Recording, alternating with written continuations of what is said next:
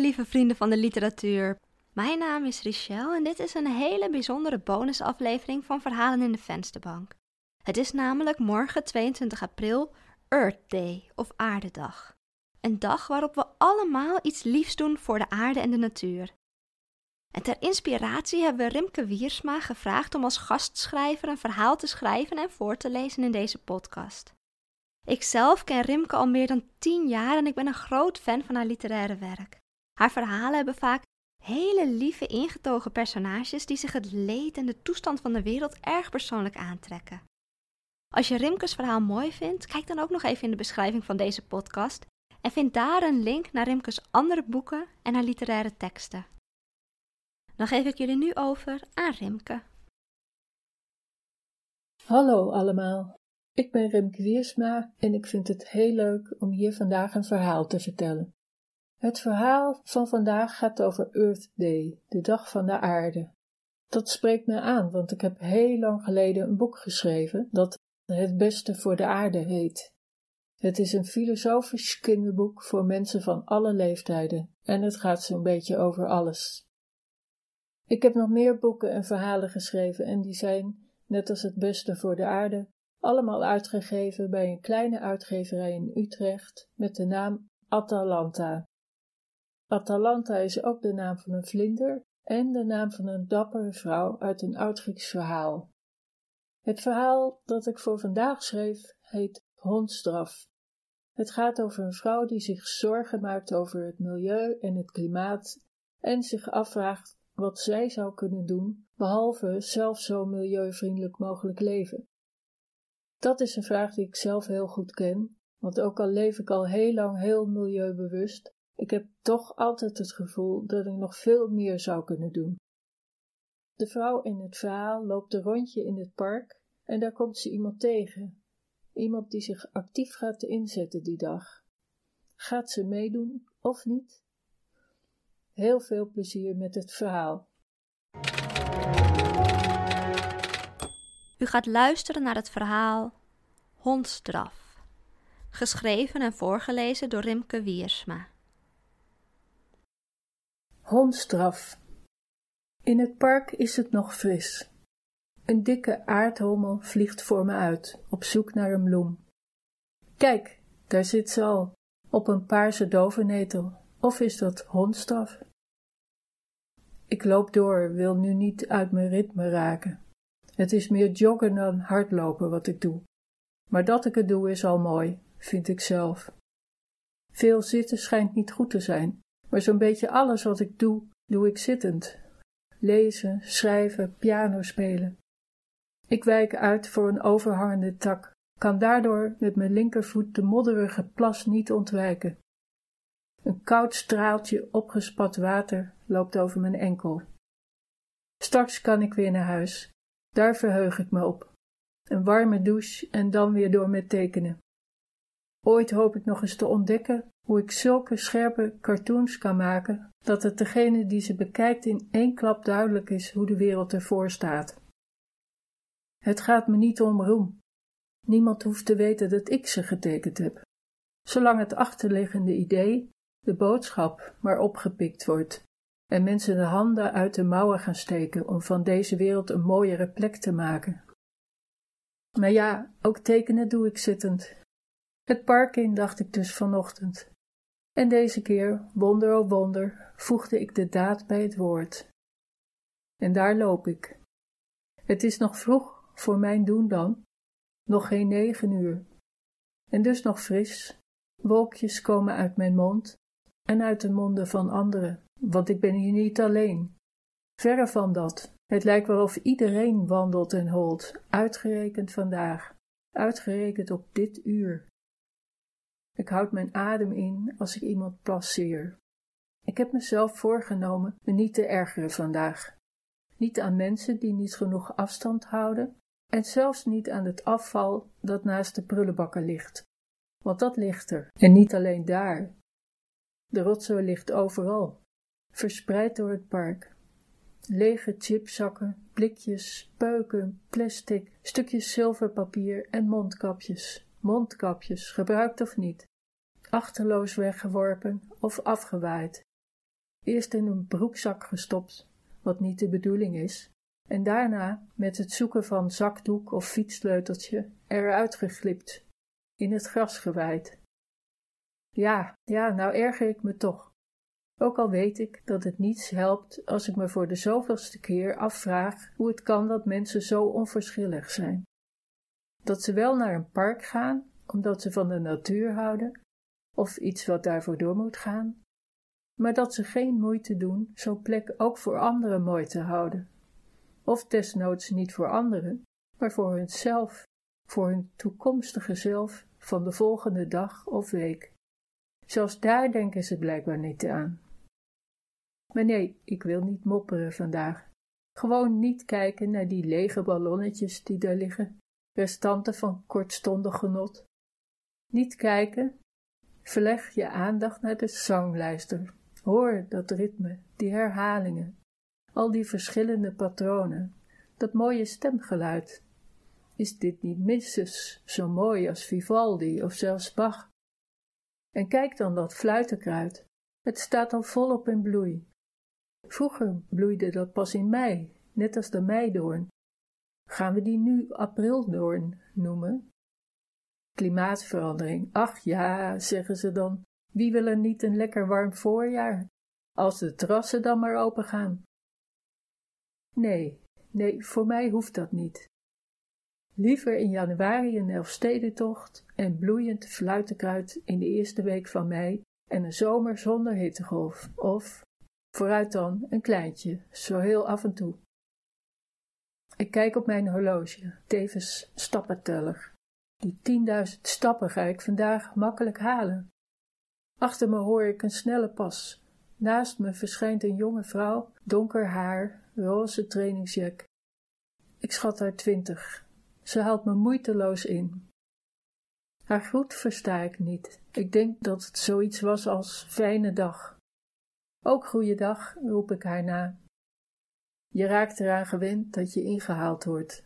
Ze zou makkelijk mijn dochter kunnen zijn, een kleinkind zelfs, maar ik heb geen kleinkind. Want toen ik de leeftijd ervoor had, wilde ik geen kinderen. De aarde moest eerst een betere speelplek worden voor nieuwe mensen, veiliger, schoner, gezelliger, met meer natuur, meer parken zoals dit park, maar dan zonder al die rommel die hier ligt. Zo redeneerden we toen, en helaas geldt het nog steeds nu zelfs nog veel meer dan toen. Ineens dringt tot me door wat ze zei. Aardedag, fijne aardedag. Inmiddels loopt ze ver voor me, maar ik versnel mijn pas. Met een beetje meer moeite blijk ik een stuk harder te kunnen dan ik tot nu toe liep. Langzaam kom ik dichterbij. Haar donkere vlechten dansen op haar rug. Hijgend haal ik haar in.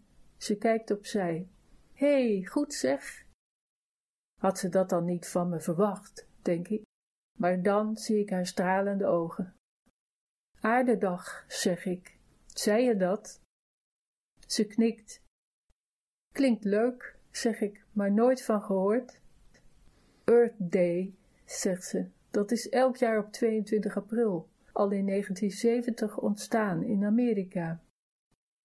Aha, zeg ik, overgewaaid, net als Valentijnsdag. Ik lach erbij, omdat ik besef dat het cynisch kan klinken. En misschien bedoel ik het ook wel cynisch, of laten we zeggen kritisch. Nee, zegt ze, de dag van de aarde is niet commercieel. Op Earth Day kopen we juist niets, alleen dingen die we nodig hebben, zoals biologisch voedsel. Het gaat om duurzaamheid. Aan haar uitspraak meen ik te horen dat Nederlands niet haar eerste taal is. Ik begrijp het, zeg ik. We lopen inmiddels op een drafje, nog altijd wat harder dan ik eerst liep, en ik begin buiten adem te raken. Sorry, zeg ik, ik moet even uithijgen, vult ze aan, en ze lacht. Het is een aanstekelijke lach en ik lach mee. Ik sta voorover gebukt, mijn handen op mijn knieën. Ze houdt gelukkig afstand en staat op ruim anderhalve meter. Gaat het, mevrouw? Prima hoor, zeg ik, en je hoeft geen mevrouw te zeggen. Dat heb ik zo geleerd. Ik zal het niet meer doen, mevrouw. Ze slaat haar hand voor haar mond. Sorry. We lachen. Niet meer doen hoor, zeg ik, ook al ben ik dan misschien nog ouder dan je moeder. Zachtjes schudt ze haar hoofd. Mijn moeder leeft niet meer. Nu ben ik het die sorry zegt. Je hebt al veel meegemaakt. Ze knikt, een kleine glimlach om haar lippen. Alsof ze wel doorheeft dat ik meer van haar wil weten, maar dat ik de woorden niet kan vinden. Ze is een mens met een geschiedenis, net zoals ik dat zelf ben en uiteindelijk iedereen dat is. Alleen denk je daar lang niet altijd bij iedereen aan. Met veel mensen blijven gesprekken steken bij banale dingen zoals kleren, zonvakanties of de mogelijkheden van hun nieuwe iPhone. Zo iemand lijkt zij me niet. Ik richt me op en alsof we het afgesproken hebben, beginnen we weer te lopen. Nog langzamer dan daarnet, een sukkeldrafje. Voor mij nu het enige haalbare. Mijn rondje zit er eigenlijk al op, maar een tweede rondje kan geen kwaad. Uitrusten kan straks, thuis. Hoe kom ik te weten waar ze vandaan komt, zonder het te vragen, want dat is ergerlijk, kan ergerlijk zijn. Waar kom je vandaan? Gewoon uit Utrecht. Ik woon hier vlakbij. Ja, maar daarvoor. Oh, daarvoor woonde ik in Enschede. Ja, maar. Zo wil ik het dus niet. Fijne aardedag. Ze zou een klimaatvluchteling kunnen zijn. Uit Syrië. Door langdurige droogte, door een veranderd klimaat, zijn daar veel mensen van het platteland door honger gedreven naar de steden getrokken. Ik heb daar pas nog over gelezen. Na de Arabische lente, een periode van hoop, ging het helemaal mis. Burgeroorlog, terroristen, miljoenen vluchtelingen, waarvan er maar een paar duizend in Nederland zijn opgevangen. Hoe heet je? vraag ik. Nadia. En u? Jij? Ik heet Emma. Mooi, zegt ze. Nadia is ook mooi, zeg ik. Het betekent hoop, zegt Nadia. Ik weet eigenlijk niet wat Emma betekent, zeg ik. Mijn oma heette zo. En de overovergrootmoeder van de koning. Nadia lacht luid. Dat je dat weet, snel reken ik het uit. Het klopt nog ook. Ik struikel bijna over een cola-blikje. Nadia schopt het van het pad af in het gras. Dat ruim ik zo wel op, zegt ze. Ze heeft haar mobiel tevoorschijn gehaald. Ik ben ondanks het lage tempo alweer buiten adem, maar ik wil me niet laten kennen. Als ik niet praat, hou ik het nog wel even vol. Geweldig, zegt ze. Ze staart op haar mobiel. Lachend leest ze voor.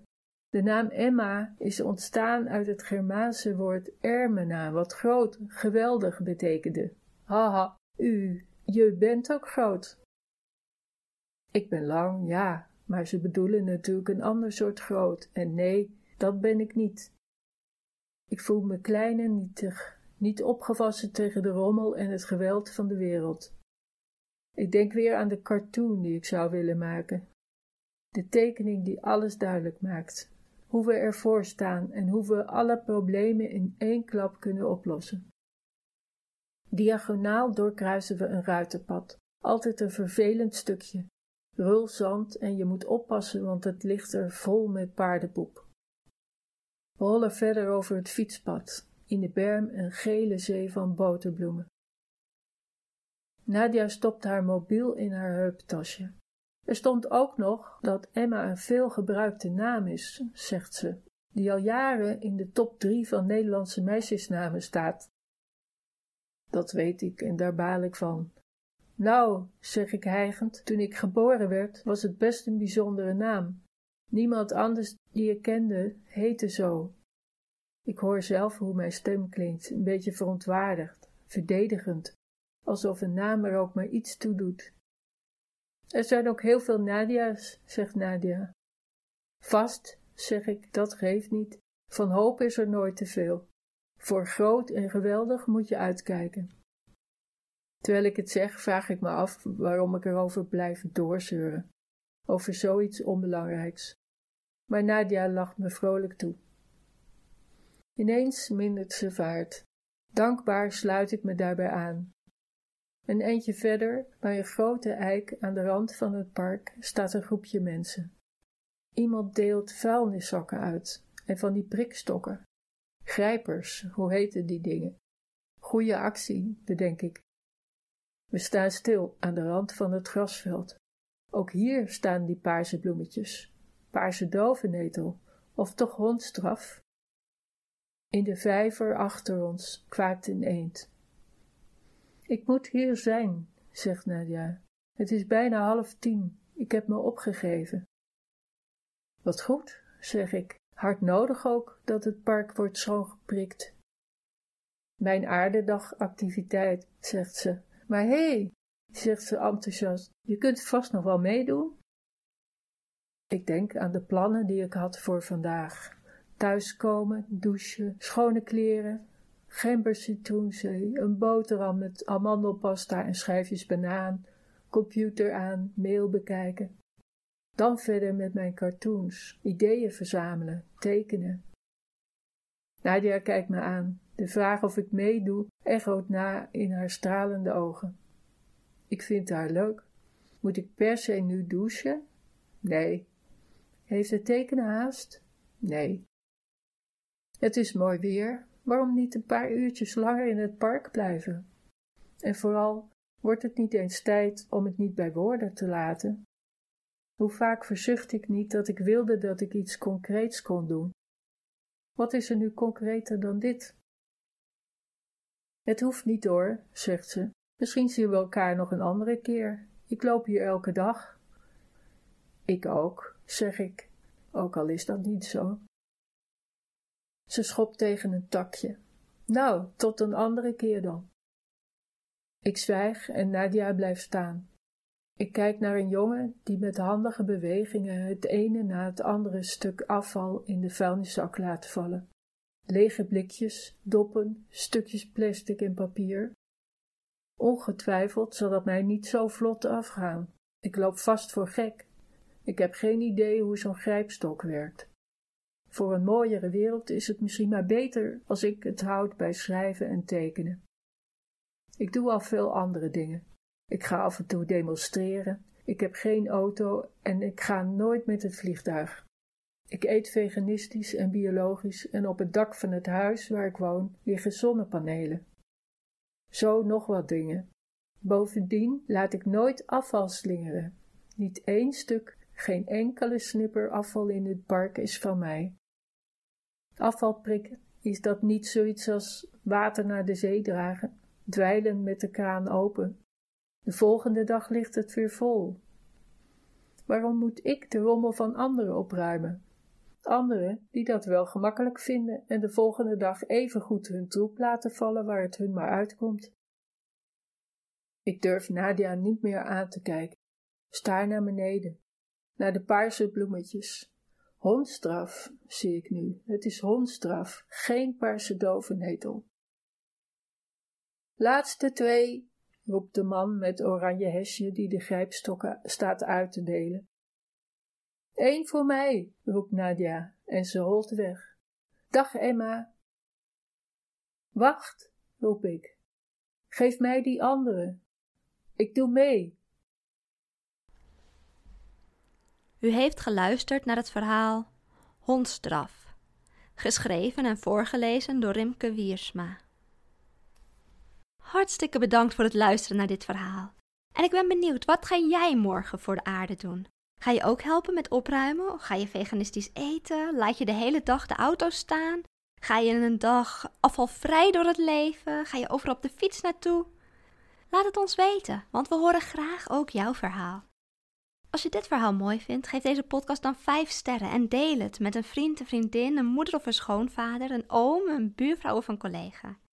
En neem een kijkje op de website van uitgeverij Atalanta voor meer boeken en verhalen van Rimke Wiersma. Onder andere kun je daar haar boek vinden Het Beste voor de Aarde. Een filosofisch kinderboek en een verhalende speurtocht naar wat het beste is voor de aarde. Leuk voor kinderen van 10 tot met 110. De link kun je vinden in de beschrijving van deze podcast.